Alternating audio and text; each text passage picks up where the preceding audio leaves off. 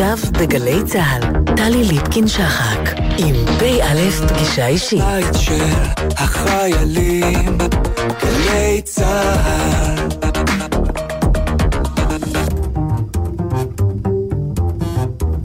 שלום לכם, שבוע טוב.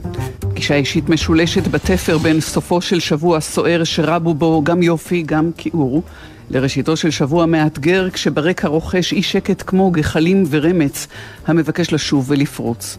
באלף פגישה אישית משולשת במהדורה שכותרתה אפשר ניצחון הרוח, ביותר ממובן אחד. באלף פגישה אישית בסופו של שבוע הסרת מסכות. ברכה להסרת מסכה חיברו הרבה פרופסור דליה מרקס והרבה ענבר בלוזר שלם, וזו לשונה. מודה אני לפניך ולך על החסד ועל הרפואה ועל עצירת המגפה. על הזכות לראות פני אדם בהתגלותם ועל הרחבת צעדינו בארץ הגדולה והיפה. נקשיב לרוחות השינוי ונדבק בן. נתחייב לשמור על עולם ואדם. עם הסרת המסכה נגדיל טובה וברכה, ועד מהרה ייאמר בכל העולם, והמגפה נעצרה.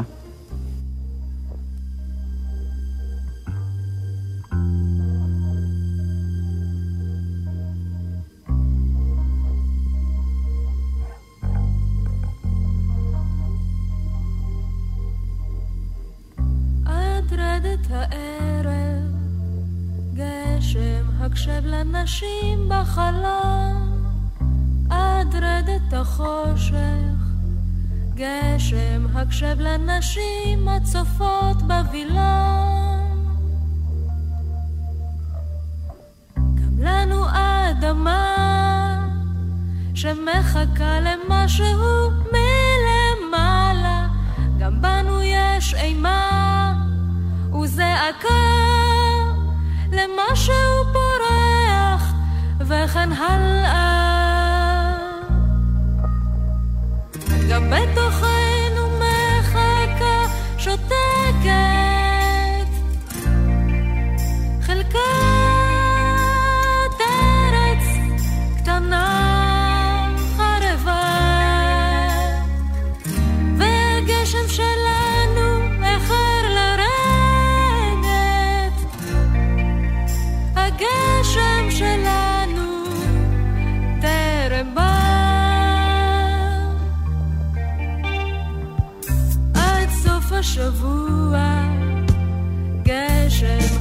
לנשים בחלום עד קץ השבועיים גשם הקשב לנשים העומדות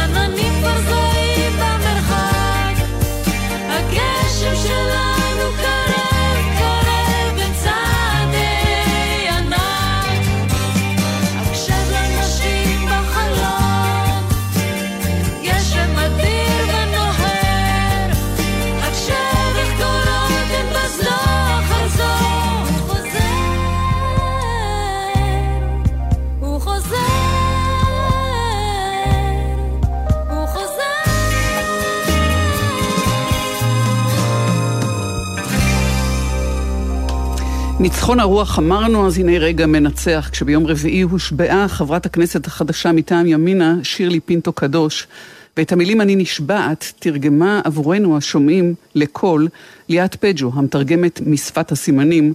זו השפה שדוברת חברת הכנסת פינטו קדוש, חירשת מלידה, פעילה חברתית להנגשת שפת הסימנים, משפטנית בהכשרתה, אישה לוחמת. המבקשת לא לרגש, אלא לשים לב, להקשיב למה שיש לה לומר, לא לפחד מלדבר על מוגבלויות. הזדמנות מצוינת לדבר על מוגבלות ומשמעותה. שלום לך, דוקטור נירה ברויר. ערב טוב, טלי. ערב טוב ושבוע טוב. את המרכזת האקדמית של המרכז ללימוד מוגבלות באוניברסיטה העברית, גם יושבת ראש שותפה של קהילת לימודי מוגבלות באגודה הסוציולוגית הישראלית, ואת נמוכת קומה. באיזה מקום מצויה ההגדרה הזאת שלך? עד כמה הנתון הזה מגדיר אותך? איך, אה, איך ננהל את פוליטיקת הזהויות? אני מחוט קומה? כן. אה, הנמוכות קומה ב- מההתחלה לא הייתה משמעותית לי, אבל אה, בעקבות בעצם התגובות החברתיות זה הפך להיות זווית מאוד מרכזית שדרכה אני למדתי להגדיר את עצמי. כמובן שלאורך חיי נתתי לזה משמעויות אחרות מאיך שהחברה אה, נותנת לזה, אבל אה, זה הפך להיות מרכיב מרכזי, ולא רק נמוכות הקומה, נמוכות הקומה היא ויזואלית, אבל אה, יש, יש נכות. אני מגדירה את עצמי כ- כאישה נכה. והמילה נכות או אישה נכה בתפיסה שאת מבקשת להנחיל ושכל לימודי מוגבלות מבקשים להנחיל איננה אה, ביטוי אה, מגונה או פוליטיקלי לא. לא אה, תקין, אה, אה, נכון. אלא ההפך הוא הנכון, ההפך הוא הדבר. נכון, זה, זה קודם כל הגדרה פוליטית. אה, זה להבין אה, שייכות לקבוצת אה, מיעוט, לקבוצה מודרת, ולראות אה, בזהות שלי אה, כשונה, כמשהו שגם מחבר אותי עם אנשים במצב דומה. אה, וכקבוצה אנחנו בעצם אה, במקום של אה, לדרוש שינוי חברתי רחב. מעמיק יותר, גם... במובן הזה שאיננו למעשה מבטל את השונות, או, או את חוסר, מנכיח את השונות, אבל, אבל מבטל את, ה, את חוסר השוויון שבשונות, את, ה, נכון, את ההבדלה.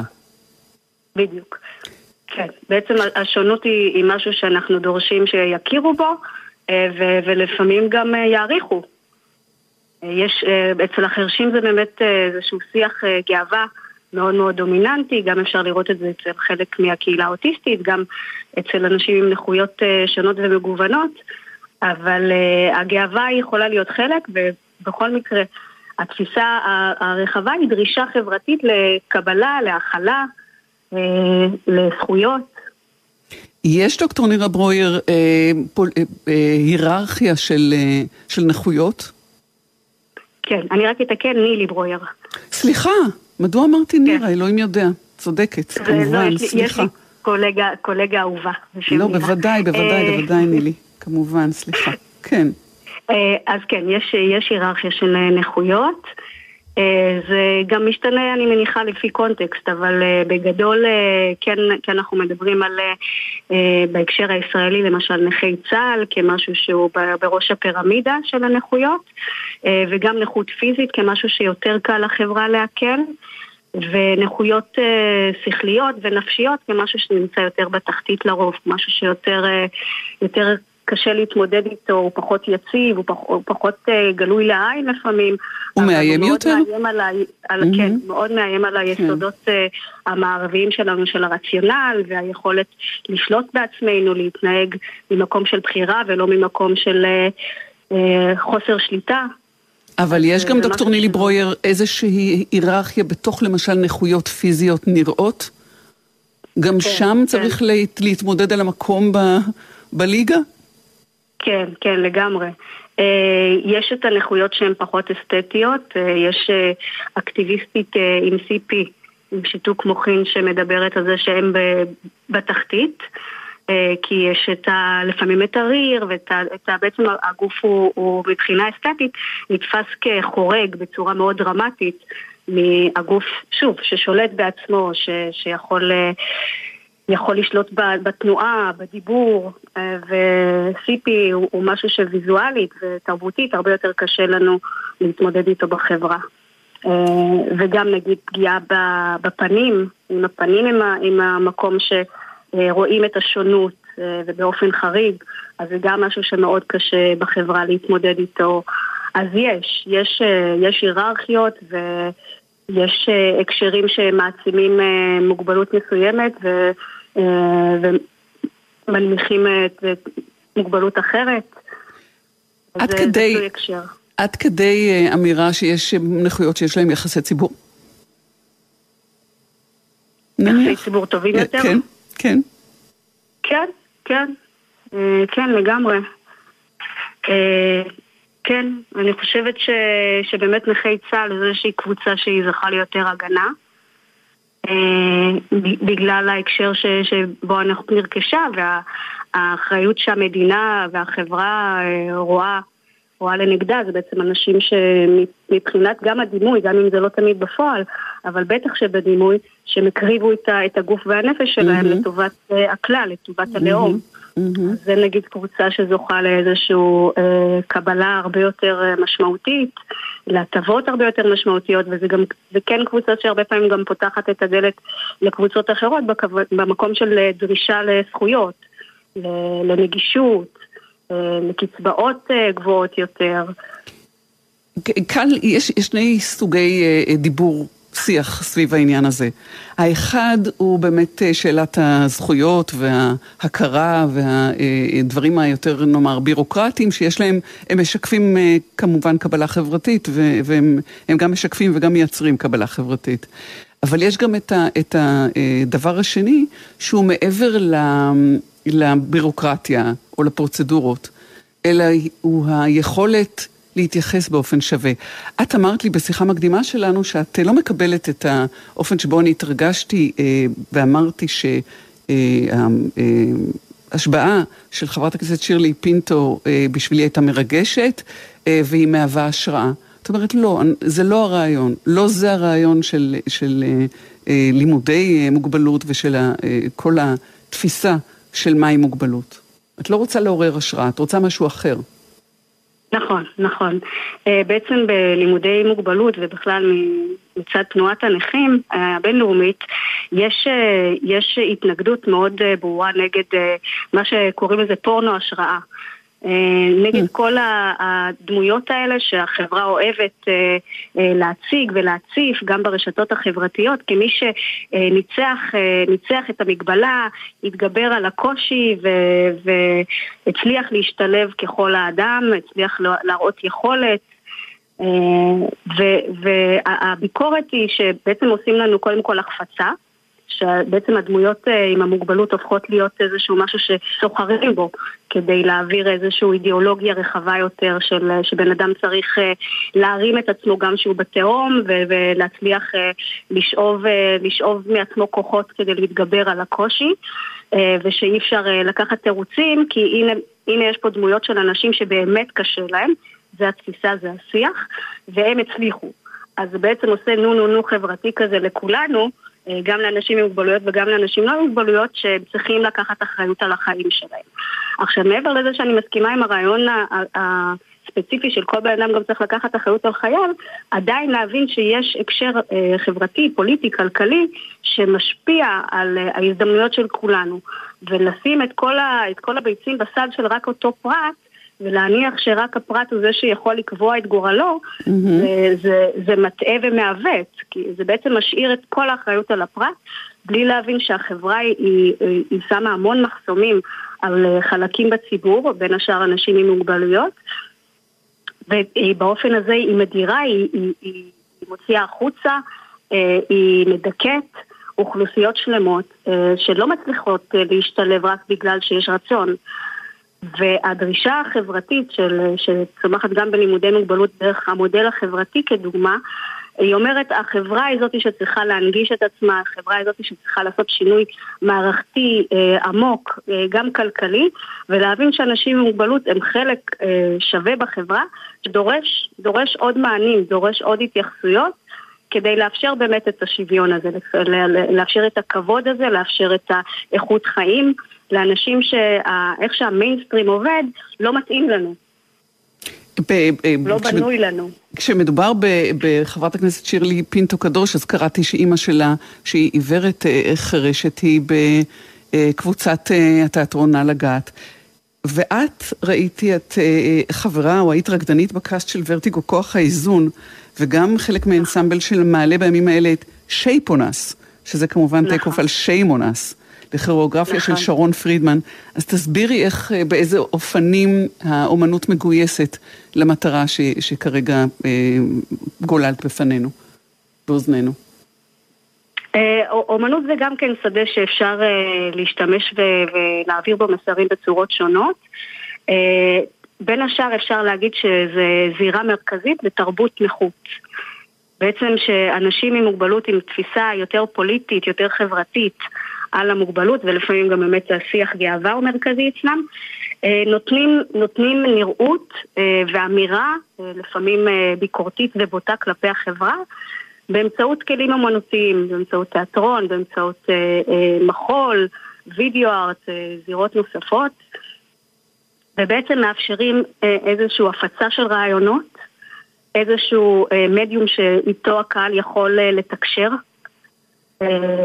עם רעיונות שהם לפעמים מורכבים וקשים לעיכול, ולא שיחה, שיחה כאילו שתאפשר את, את המסרים החברתיים היותר מורכבים האלה, היא לא, היא לא, לא תמיד קורית במרחב הציבורי שלנו, אם בכלל.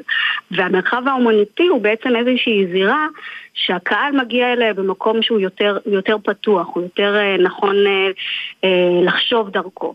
אז האומנות היא גם זירה להציף מסרים חברתיים, ביקורתיים, ולקרב אנשים עם מוגבלויות בעצם לחלק מהתנועה החברתית והאומנותית הזאת, וגם לאפשר איזשהו ערוץ תקשורת עם החברה הרחבה. שבתוך החברה הרחבה יש לנו גם הרבה קבוצות מיעוטים שונות וקבוצות שחוות אה, דיכוי ברמה זו או אחרת, אה, שחורים, נשים, ערבים. בעצם אה, הכוונה היא, לא לדבר רק עם איזשהו דימוי של הבן אדם התקני וה... וה אלא ממש להצליח להגיע למגזרים שונים באוכלוסייה, שחלקם שותפים, שותפים בעצם לרעיונות שלנו. אז... אנחנו אה, בלימודי מוגבלות ובתנועת הנכים ניזונים גם מהמון מאבקים אחרים. אז, אז פה, פה המקום אה, לחזור על מה שפתחנו בו ולשאול עד כמה ההשבעה אה, של חברת הכנסת שירלי פינטו קדוש, מבלי להתייחס למילים האסורות שמתחילות בהן, נגמר בהשראה למשל, או התרגשות, ובכל זאת, איך נוכחות כזו והשימוש בכותרת חברת כנסת חירשת ראשונה מקדמת את העניין? אני דווקא פחות נרתעת מהמושג של להתרגש, אני חושבת שזה לגיטימי גם להתרגש. אוקיי, אבל תודה. אבל הפחד שלי הוא באמת ש... שנצ... כן, הפחד שלי הוא באמת ש... שנצמצם את, ה... את הנוכחות שלה, את התפקיד שלה, למקום של החירשת שהצליחה. הרעיון מבחינתי הוא שהיא ת... תהווה איזשהו גם קול ודמות שמשקפת את הצרכים ואת ה, את ה, את החוויית חיים של אנשים דומים לה. אנשים שהיא בעצם בין השאר מייצגת בתור היותה חירשת פעילה, אקטיביסטית. היא, אז, את, אז היא אמרה את זה, היא אמרה את זה ב, ב, ב, אחרי ההשבעה, היא אמרה את זה בדברים קצרים ש, שאמרה מפיה ליאת פג'ו. ממש את זה שהיא תייצג את כל האנשים. אה, הנכים, אנחנו אומרים disabled, מותר לומר את זה, נכון?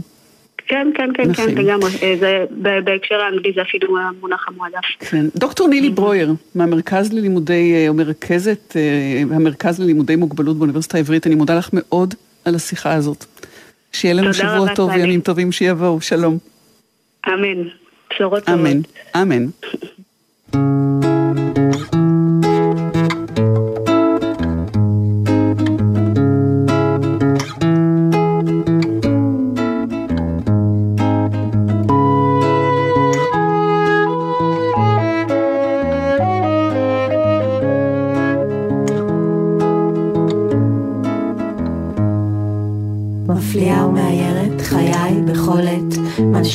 נשמתי, משמיעה הגיגי, יש בי אהבה בלי די, יש בי אהבה בלי די, ימים כלילות רק רוצה לא להיות, והמתנה מתנה מותנית באהבה, נשמה חשוכה, תן לי אותך ולא רק אם, תן אהבה בלי תן בלי תנאים.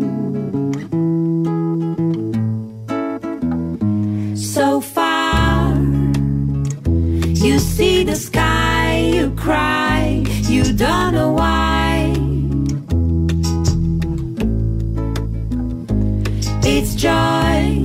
happiness, the rainbow makes you feel high. So far, you see the sky. אולי אלבש גלימה זוהרת, תגדיל עקביי, ירחיב מימדיי, גם זה לא ישמיע אותי ודאי. ואם אקפוץ לגובה, מעבר לאופק, אולי גם זה לא יזיז להם את הדופק, מה עוד אעשה? כדי לעלות, הדרך שלי לעבוד, לעבוד, לאבד, לאיבוד. כל שביקשתי לתת הלך לאיבוד. האם אתרסק ואתפזר להנחות, או כך ביקום ממשיך להיות, בדרך ארוכה מתישה וקסומה, ולאן? אינני מקבלת אותה, אולי חשבתי קצת יותר מדי, עליי לעשות את דרכי, שכחתי כמעה, אני סתם סתם, מהלכת על פני אדמה לא חזקה בעוצמה, מתבזבזת, על עוד קפה בבוקר, או ללכת לסרט הבריחה מאהבה עצמית גורלית.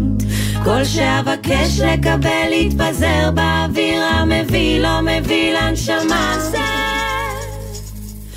So far You see the sky, you cry, you don't know why. It's joy, it's happiness, the rainbow makes you feel high. So far, you see the sky. The rainbow makes you feel high, high. So far. You see the sky,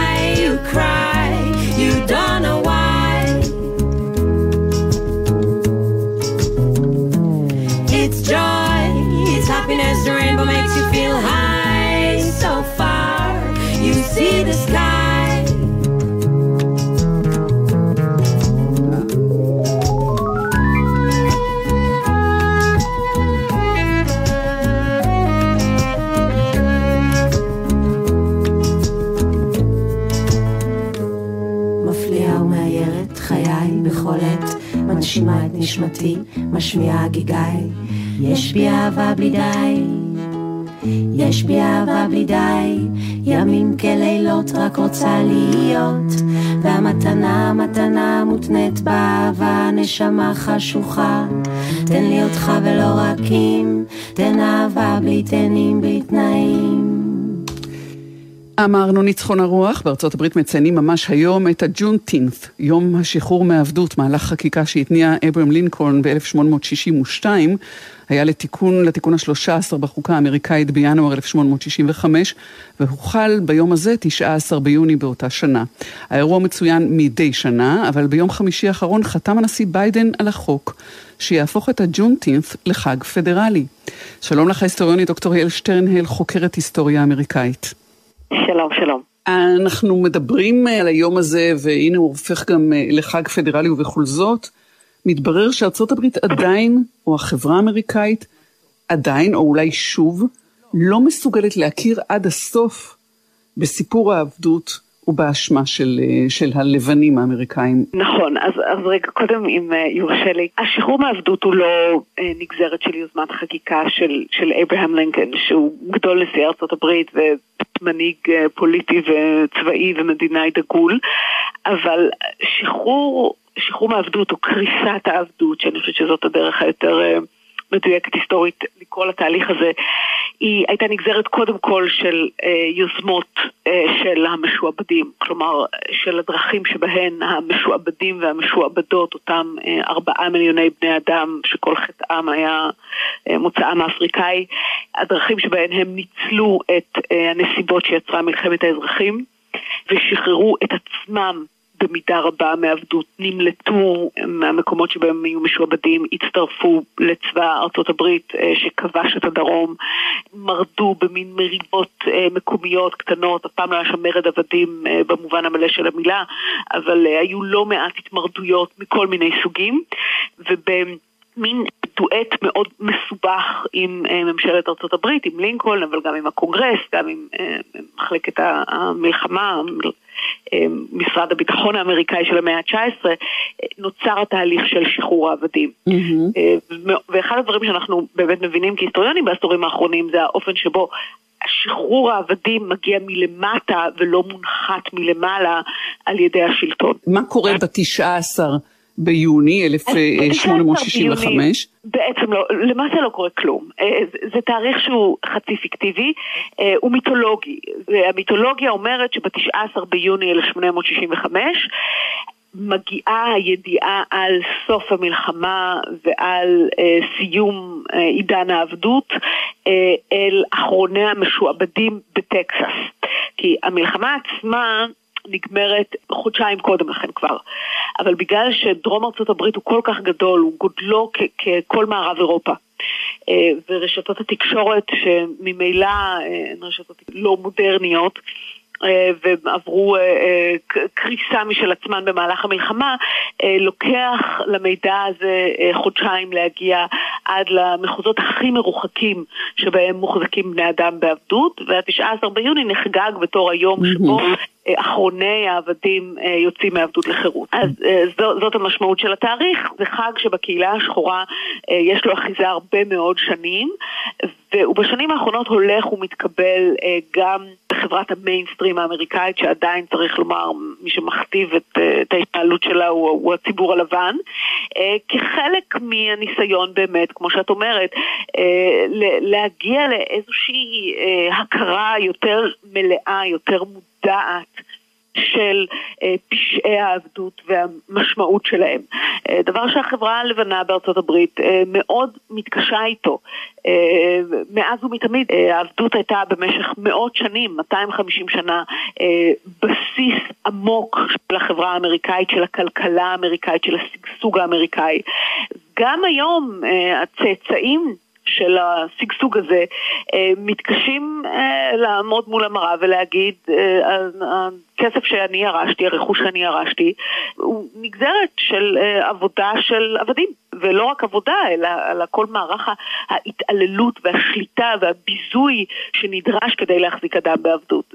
זאת לא הודעה קלה, וזו הודעה שהאמריקאים שמאוד רגילים לחשוב על עצמם בתור מעוז החירות העולמי, מאוד מתקשים להגיע אליה. אני קראתי איזו רשימה נרחבת אה, רק באחרונה באחד מכתבי העת האמריקאים על כך שנשאלת השאלה מדוע האמריקאים אינם יכולים ללמוד מהגרמנים שהכירו בחטאי השואה ולהכיר בחטאי ובפשעי אה, העבדות, עד כדי כך. תראי, זו שאלה מאוד מעניינת, אה, ש- שכל מי מאיתנו שיש לו גם איזושהי זיקה להיסטוריה גרמנית ולהיסטוריה של השואה ולהיסטוריה של ארה"ב מאוד עסוק בה.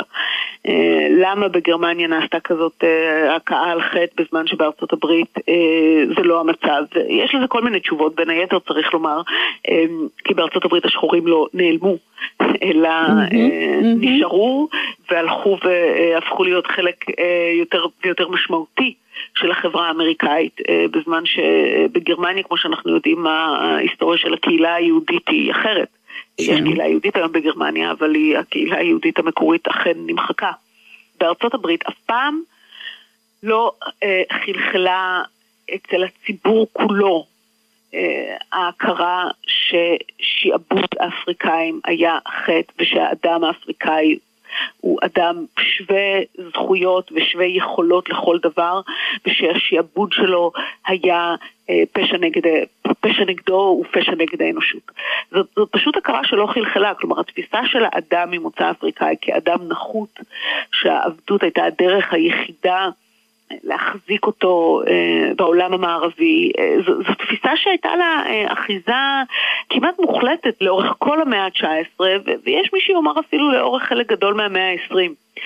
הרעיון שאדם עם מאפיינים פיזיולוגיים אפריקאים שמגיע מהתרבות האפריקאית הוא אדם שהוא בבסיסו נחות, זו תפיסה שאנחנו לא כל כך מצליחים להשתחרר ממנה. יש אזכור במאמר הזה בוושינגטון פוסט של משפט אייכמן כמחולל של אה, שינוי התודעה אצל הגרמנים. אין אירוע בהיסטוריה או בהוויה האמריקאית שיחולל תהליך דומה? אם יש מקום להשוות בכלל בין, הדברים. א', בהחלט יש מקום להשוות, אה, ואני אה, כמי שבעצמה סוחבת על גבה את הטראומה של השואה וחוקרת היסטוריה אמר... אמריקאית, משווה כל הזמן, אה, ו- ואני אה, מעודדת גם אחרים לעשות זאת. אה, זאת השוואה היסטורית שיש לה בסיס, יש לה משמעות והיא כן פוריה, ובארצות הברית אכן אין רגע כמו משפט אייכמן. עכשיו מעבר לזה, זה, זה כאילו, צריך לדמיין מצב שבו מי שמשתלט על הזיכרון הקולקטיבי בגרמניה אלה הנאצים וצאצאיהם. כי זה מה שקרה בארצות הברית. את הזיכרון של העבדות עיצבו יותר מכל דבר אחר בעלי העבדים אה, והדור השני והשלישי שלהם, שהצליחו להציג במשך הרבה מאוד שנים את העבדות בתור מוסד חומל, מיטיב, שעשה לאפריקאים אה, רק דברים טובים בזה שהוציא אותם מאפריקה, הביא אותם לאמריקה, אה, הציג אותם לציוויליזציה המערבית. אם אני נגיד חושבת כמובן על, על תרבות פופולרית בראש ובראשונה, אז למשל חלף עם הרוח. אה, האופן שבו הסרט הזה אה, מציג את המשועבדים בתור מין ילדים אינפנטיליים שזקוקים למשפחה הלבנה שתדריך אותם ותגן עליהם. אלה התפיסות שהיו התפיסות המקובלות בארצות הברית, צריך לומר. עד לפני 40-50 שנה, זה שינוי שהוא מאוד מאוד חדש. ואיך זה קשור, אם זה קשור, לעניין אחר שאנחנו עוסקים בו בימים האלה, וזה לשינויים אה, או לניסיונות לשנות חוקי הצבעה ותקנות במספר עולה של מדינות אה, בארצות הברית, באופן שיפסול את הלגיטימיות של מי שאינם אמריקאים אמיתיים. וזה לאו דווקא שחורים, אם כי זה, החוקים האלה מאוד מבקשים לשבש את אה, נוהגי ונוהלי ההצבעה אה, של אה, אוכלוסיות שחורות, אבל בוודאי מהגרים ומיעוטים כן. אחרים בארצות הברית.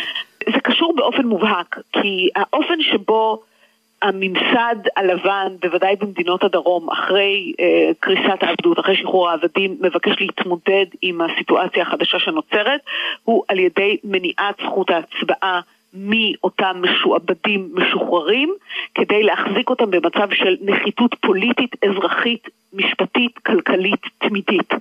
אה, מה שקורה בארצות הברית, ועל זה כשחוגגים את שחרור העבדים אה, מדברים פחות על מה קורה ביום שאחרי, ומה שקורה ביום שאחרי הוא חזרה הדרגתית של משטר דיכוי מאוד תוקפני והרמטי, שהבסיס שלו הוא שלילת זכות ההצבעה.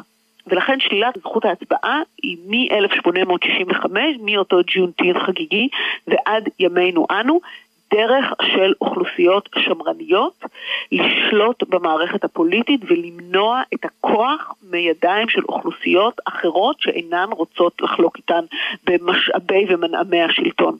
וב-1865 זה היה שחורים, היום אלה גם אוכלוסיות של מהגרים. הפרקטיקה הזאת שהייתה מאוד יעילה ב-1865 היא גם יעילה ב-2021. אה, אין דרך אחרת אה, למנוע מציבורים לקחת חלק בשלטון, אה, אלא על ידי אה, מניעת ההשתתפות הפוליטית שלהן. ולכן היום לציבורים שמרנים שמיוצגים, מה לעשות, על ידי המפלגה הרפובליקאית, אין דרך יותר אפקטיבית מלייצר חוקי הצבעה בחמישים המדינות שמונעים מאנשים כאלה ואחרים, עניים, שחורים, היספנים, להצביע בבחירות. ולכן אנחנו רואים כזאת מגמה דרמטית של חקיקת חוקים, שהיא אגב לא חדשה, היא עכשיו באמת באיזה מין... לא, היא אה, בשיא עכשיו, היא בשיא כן. אחרי הניצחון של ביידן, משום הטענה, נכון. שגם היותר מתונים בין הרפובליקאים, אה, אפילו בבתי, בבתי הנבחרים, אה, טוענים, אם לא לזיוף הבחירות, אל, ו, ו, ו, ואינם מתווכחים עם המספרים שעל פיהם בשבעה מיליון קולות ניצח הנשיא ביידן, אלא שהקולות הללו אינם קולות לגיטימיים, כי הם אינם קולות של נכון. real Americans, של אמריקאים אמיתיים. יפה, אז בוא נאמר ככה, זכות ההצבעה בארצות הברית היא, היא אקורדיאון, יש תקופות שהיא מתרחבת ויש תקופות שהיא מוצרת, היא אף פעם לא מובטחת. בארצות הברית אין זכות הצבעה מעל, לכל אדם מעל גיל 18. זה, זה, זה חוק שלא קיים. אה, זה, אה, זה אה, מאורגן אחרת, אבל השורה התחתונה היא כזאת, זכות ההצבעה אינה מובטחת. ולכן אפשר לצמצם אותה בכל מיני דרכים. ולאורך השנים בארצות הברית, הדמוקרטיה המודרנית הראשונה, ניסו אלף ואחת שיטות, מוצלחות יותר ומוצלחות פחות, כדי להגביל את זכות ההצבעה. וגם היום אנחנו עדים לשיא בניסיונות הללו. זה אגב שיא שחוזר על עצמו, כן? יש כל פעם איזה מין התפרצות כזאת של חקיקה, שהמטרה שלה היא למנוע את המצב שאנחנו mm-hmm. רואים בבחירות האחרונות, שבו המפלגה הדמוקרטית מצליחה לכבוש מעוזים של המפלגה הרפובליקאית, ספציפית על ידי הבאה לקלפי או על ידי עידוד הצבעה של אוכלוסיות שבעבר לא הצביעו. והדוגמה הכי מובהקת לזה בסיבוב האחרון היא כמובן מה שקרה בג'ורג'יה, mm-hmm. שהיא מעוז רפובליקאי מובהק אה, כבר הרבה שנים. וההתארגנות המאוד מוצלחת של פוליטיקאים מקומיים אה, ופוליטיקאיות מקומיות, וספציפית פוליטיקאית אחת, סטייסי אייברמס, הביאו לכך שהמפלגה הדמוקרטית הצליחה לארגן אה, הצבעה בממדים כאלו שהמדינה גם בחרה בביידן וגם בחרה בשני סנטורים דמוקרטיים. כן. ונגד הדבר הזה, אה, מה עושים? פועלים להגביל את זכות ההצבעה, זאת הדרך היחידה למנוע אה, מציבורים אה, להשפיע. אה, וזה אפשרי, בניגוד לישראל שזה הרבה יותר קשה, שם זה למעשה לא כל כך מסובך למנוע את זכות ההצבעה. ומכיוון שהתחלנו, דוקטור יעל שטרנהל, עם הג'ונטינט ועם אה, יום השחרור מעבדות, אז אה, את לא מודעת לזה, אשתמש בשיחה, בהזדמנות לדבר עם היסטוריונות ולשאול על הקשר שבין התהליך שאירע באמריקה אה, בארצות הברית אה, על העליות והמרודות שלו, אל מול אה, ציון השבוע 40 שנה לביטול האפרטהייד בדרום אפריקה. איך מתפשטים רעיונות כאלה, איך הם נעצרים, אבל איך הם בסופו של דבר גם מחלחלים? תראי, אמ, האמת שזה קישור מאוד, מאוד מעניין, כי בסופו של דבר העבדות פינתה את מקומה לאפרטהייד. ואת העבדות היה מאוד קשה לבטל, אבל גם את האפרטהייד האמריקאי היה מאוד קשה לבטל. וגם בדרום אפריקה וגם בדרום ארצות הברית זה מאבק של עשרות שנים, שרוב הזמן היה נראה כאילו הוא לעולם לא יצליח. שאלו מבני כוח שהם כל כך חזקים וכל כך מוטים לטובת הציבור הלבן השולט, שציבור שחור ובני בריתו הלבנים לעולם לא יצליחו לפרק את מבני הכוח הללו. ובסופו של דבר בשני המקומות מבנה הכוח כן התפרקו כתוצאה של שינויים בנסיבות גלובליות, ב... יש איזה מין רגע, ועל זה תנועות של שינוי צריכות לבנות, אה, על הרעיון שצריך לנהל את המאבק אה, במשך תקופות ארוכות, ומתישהו יגיע רגע שבו תיווצר קונסטלציה חדשה שתאפשר למאבק הזה להצליח. בארה"ב למשל זה קורה אחרי מלחמת העולם השנייה, אפרופו הקישור לנאציזם. בלי מלחמת העולם השנייה, אני לא uh, חושבת שבשנות ה-50 וה-60 בארצות הברית היינו רואים את האפרטהייד האמריקאי מתפרק. Uh, זה נגזרת ישירה של הטראומה שגם האמריקאים חווים בהתמודדות עם הנאציזם ומההבנה שיש קשר בין שני הדברים. Uh, בדרום אפריקה הקונסטלציה היא קצת אחרת, כי שם האפרטהייד הוא דווקא נגזרת של החצי השני של המאה ה-20, אה, אבל גם שם בסופו של דבר תהליכים גלובליים, בין היתר צריך לומר לחץ בינלאומי, אה, מביאים אה, להתפרקות של מבנה כוח שהיה נדמה ש, שאי אפשר יהיה לעולם לפרק אותו. אז יש כאן לקחים גם על היכולת של תנועות להביא לשינוי, אבל גם צריך לומר על הקושי האדיר לפרק את התפיסה הכל כך מוטמעת בתרבות המערבית של הנחיתות והסכנה של אנשים עם אה, מאפיינים פיזיולוגיים אפריקאים. המאפיינים הפיזיולוגיים האפריקאים וכמובן האינטרסים החומריים של ניצול הגוף האפריקאי לטובת אה, עבודה שלבנים לא, רוצה, לא רוצים לעשות, אה, החזיקו את מבנה הכוח הזה במשך כל כך הרבה זמן. אז אה, יש כאן בהחלט גם מסר של תקווה, כי אלה שתי תנועות, גם שחרור העבדות, גם ביטול האפרטהייד באמריקה, גם ביטול האפרטהייד בדרום אפריקה, אלה מאבקים שמסתכלים עליהם לאורך זמן ולעומק, הם מאבקים קשים וכואבים וחסרי תקווה, אבל uh, בסופו של דבר הם, הם מצליחים. Uh, בסופו של דבר יש כאן גם איזשהו מסר ש, שתנועות מהסוג הזה יכולות להבקיע גם את מה שנראה כבלתי אפשרי להבקעה. דוקטור יעל שטרנהל, איזה יופי שבנימה הזאת אנחנו מסיימות את השיחה שלנו. בואי נאמין. תודה לך, שלום. תודה לך, להתראות.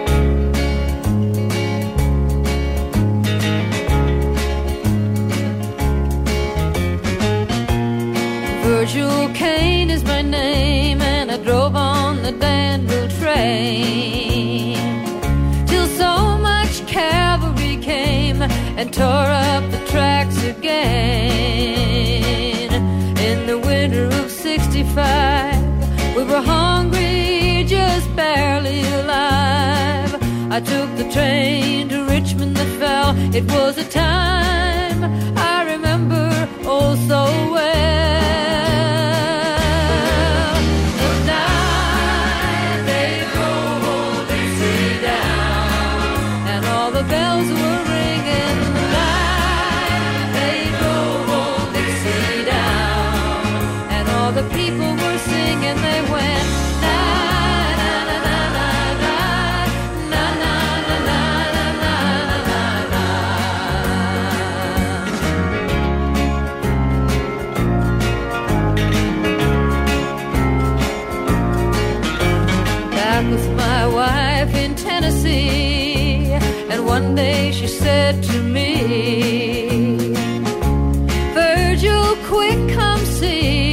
There goes the Robert E. Lee. Now I don't mind, I'm chopping wood.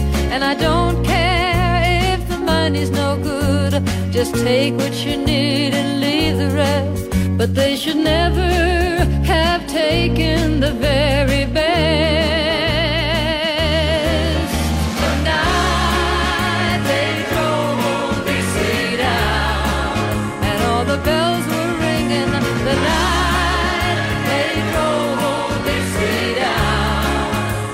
The people were singing. They went. Na, na, na, na, na, na, na, na, na, na, na, na, na, na.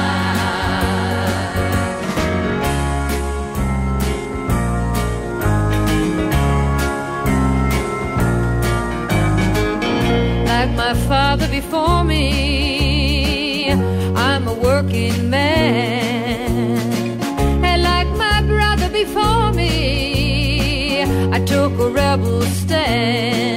Well, he was just 18, proud and brave, but a Yankee laid him in his grave. I swear by the blood below my feet, you can't raise the cane back up when it's in the feed.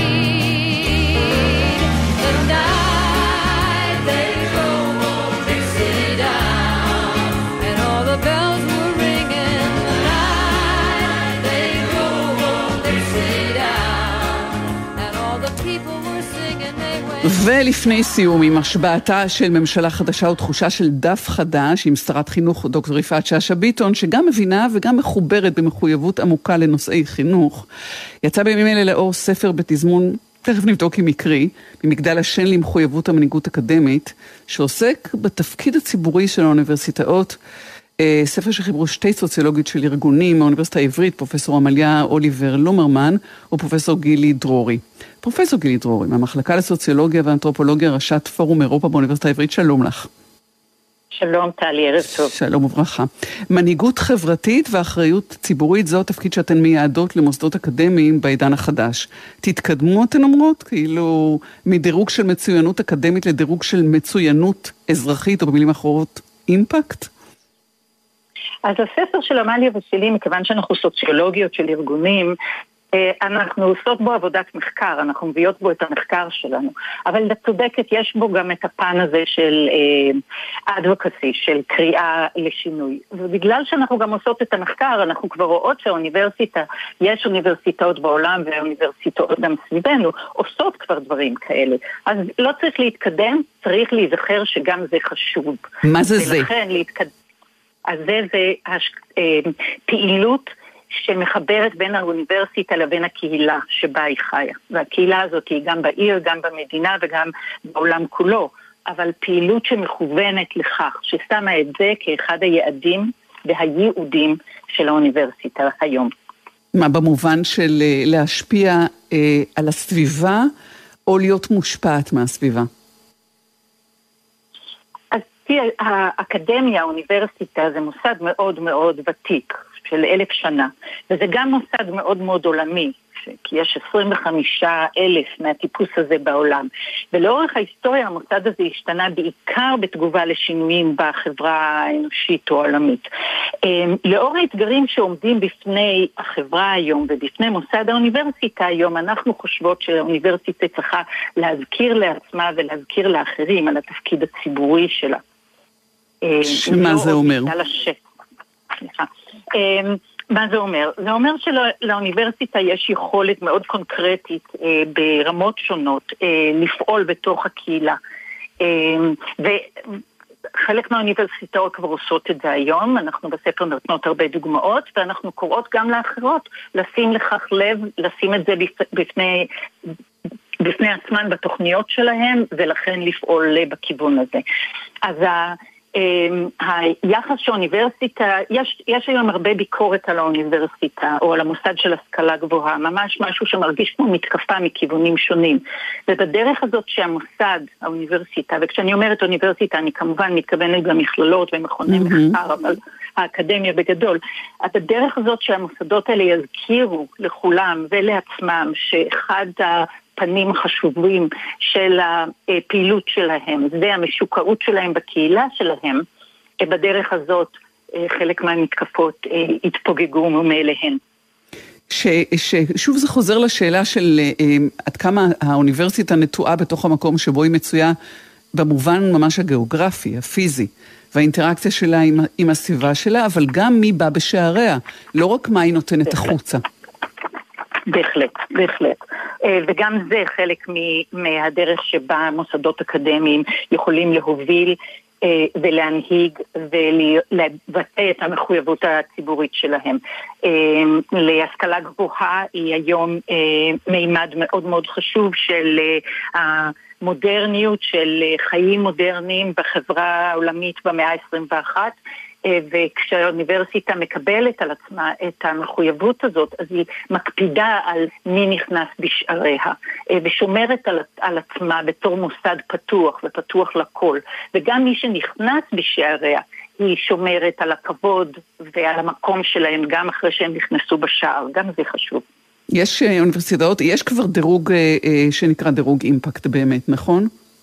שהוא מעבר לדירוג כן. אקדמי של מצוינות אה, במחקרים, אה, בהישגים אה, אקדמיים. נכון, וזו סנונית ראשונה, ואני מקווה ש... ועמליה, ואני מקוות שהיא גם מבשרת איזשהו שינוי, אבל הנה כאן את רואה שכבר יש דברים שנעשים, ועכשיו צריך ללכת ממש בכיוון הזה. אה, יש את הדירוג של ה-Times of Higher Education, שזה אחד אה, מכתבי העת שעושים דירוגים גם אקדמיים אה, כבר מזה כמה זמן, ובשנים האחרונות, בשנתיים האחרונות, הם מוציאים גם דירוג שקוראים לו דירוג האימפקט, שהוא ספציפי לקשר של האוניברסיטה לקהילה שבה היא נמצאת. הוא מודד דברים באמת על הגיוון של אוכלוסיית הסטודנטים והסטודנטיות, על איזה פלח של האוכלוסייה מבחינה סוציו-כלכלית הם הסטודנטים והסטודנטיות האלה וכולי. כששמים דירוג כזה, כמו שעבד אה, על אוניברסיטאות גם הדירוגים האקדמיים של שנגחאי ושל Times of Higher Education mm-hmm. ואחרים, כששמים דירוג כזה לפנינו, זה עושה שינוי נורמטיבי. זה מה ש... אמ, אנשי מדע המדינה קוראים חוק רך. זה לא חוק שיש אה, בצידו מנגנון אכיפה, אבל זה פרוצדורה שמציבה את ההגדרה למה טוב, מה מדורג גבוה, וכולם מבינים את זה ומתיישרים לפי ההגדרה הזאת. יש איזה הפרעה, יש איזושהי הפרעה על הקו שאני חוששת שהיא קשורה למיקומך באיזשהו אופן או לאיזה רדיו שאולי פתוח אצלך. אז אה, זה משהו שהיו אומרים פעם, תתרחקי מהטרנזיסטור, אם את שם תתרחקי מהטרנזיסטור, בבקשה.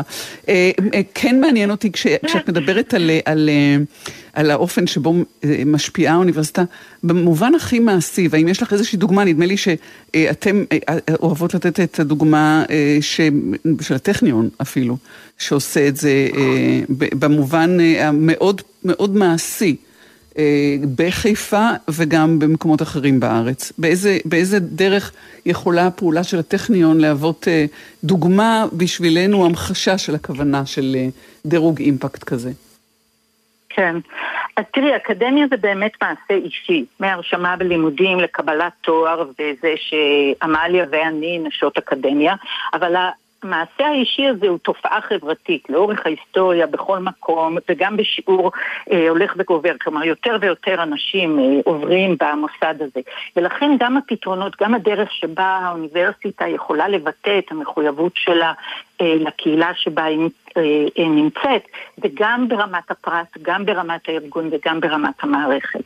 אה, אז אה, ברמת הפרט בספר אנחנו מתארות מאוד בפרוטרוט את איינשטיין, שהוא באמת מקרה מאוד אה, איקוני לאיך אה, אה, איש מדע עושה חליפין בהון של היוקרה המדעית שלו כדי להשמיע את קולו.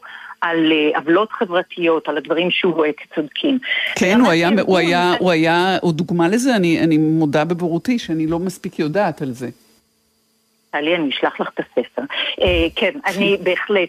אה, הוא עשה כל מיני פעילויות, אה, החל מכך שהוא היה מאוד פעיל כשהוא עבר לארצות הברית למען צדק לקהילות האפרו-אמריקאיות במכתבים פומביים שלו ובפעילות שהוא עשה, וגם בכך שהוא היה מהפיזיקאים שהקימו את תנועת אה, שקראה ל... זהירות אה, עם אה, נשק גרעיני ברגע mm-hmm. שכבר... אז אה, במובנים האלה הדברים שהוא ראה כצודקים הוא הודיע, הוא השמיע את קולו בהם בדרך מאוד פומבית ואנחנו מכירים את זה, מכירות את זה מההיסטוריה של האוניברסיטה העברית. הוא כתב מכתב ב-1925, מכתב פתוח שהתפרסם בעיתונים יהודיים בעולם, שבגרסה האנגלית שלו קורא לזה The Mission of Our University, ויש שם מניפסט על איך אוניברסיטה אה, צריכה להיות, מהם האידאות שלו. אז הוא קרא שוב ושוב על הרבה מאוד נושאים חברתיים, גם אלה האקדמיים, ל... ל אה, דעתו, וכמו שאמרתי כאן, אה, המיר את היוקרה המדעית שלו, לכן כולם הקשיבו.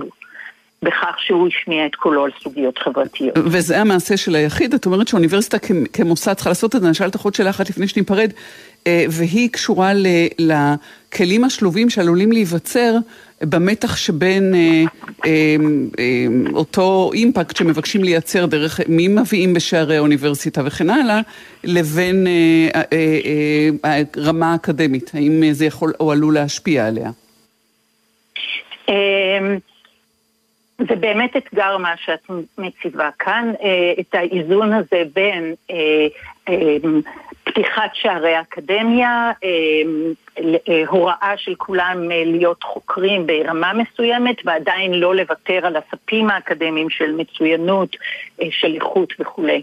אני חושבת שזו טעות לחשוב עליהם כ-zero sum game, כמשחק סכום אפס. כאילו כשנרוויח את האחד נפסיד את האחר. האקדמיה גם כאן, האוניברסיטה צריכה לחשוב על איך היא מוצאת לזה את האיזון, אבל האיזון יבוא גם מזה שהם שניהם, שני, שני הטובים האלה יגדלו, יתרחבו. פרופסור גילי דרורי, פרופסורית לסוציולוגיה, ראשת פורום אירופה באוניברסיטה העברית, שיחד עם חברתך עמליה אוליבר לומרמן כתבתן את המחקר שלכן בספר שקורא אה, ממגדל השן למחויבות ומנהיגות אקדמית, אמרת במקום מגדל שן, להיות מגדלור. אה, אז זה בעצם, זאת בעצם השורה התחתונה, נכון? בהחלט, בהחלט, בהחלט. כמה אנחנו קרובים לזה וכמה אנחנו עשויים להתקרב לזה בשינוי אה, של אה, אה פרסונלי במשרדים הנכונים אה, ברמה המוסדית או אה, אה, השלטונית? למשפט לסיום. אני מאוד, אני מאוד מקווה לכך. אה, הרבה מההשפעה שיכולה לבוא ממימון ציבורי, מהסוג הזה של הגיבוי לחשיבות של השכלה גבוהה, של מדע מתקדם וכולי, אה, וזה ביד אה, אלה שמתקצבים. כאשר יפסיקו לחשוב על האקדמיה כאויב, אה, כסקטור ציבורי שצריך כל הזמן להוכיח את התפוקה שלו, את אה, מה שיוצא ממנו בטווח הקצר, אנחנו נבין את ההשפעות של המוסד הזה לטווח הארוך ונגבה אותו על זה. פרופסור גילי דרורי. לו יהי, תודה רבה לך, שבוע טוב, שלום. שבוע טוב, תודה. ביי.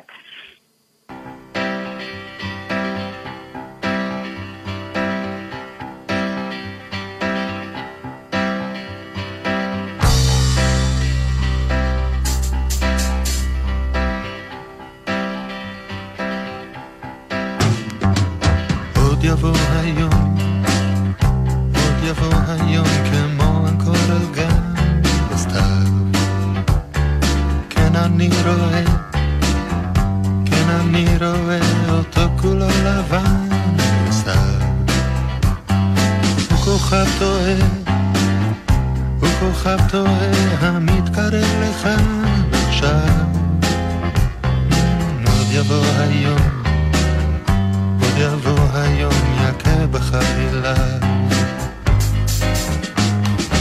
המשדר הזה הפיקו איתי ניצן שקדי, אלצ'ה חנובר ויפעת אה, גלר, באולפן היה עמרי אינספקטור.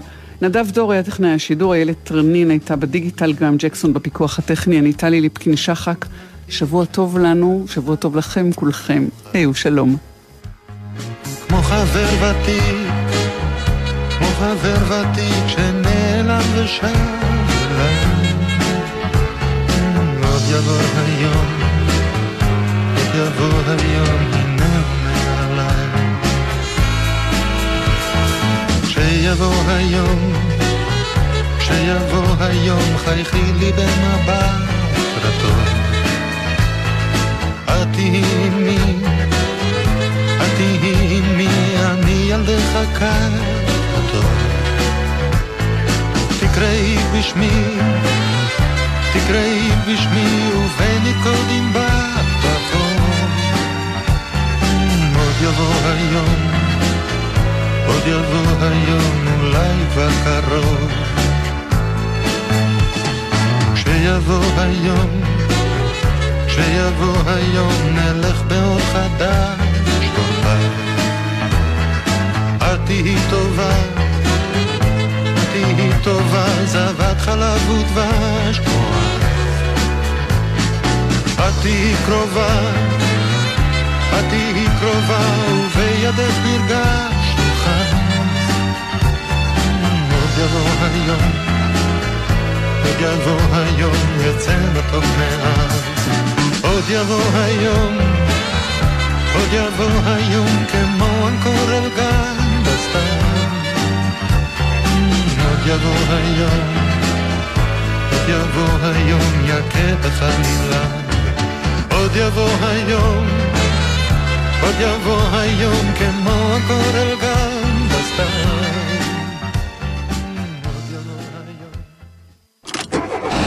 נשמע, נשמע, סוף השבוע, בית של החיילים.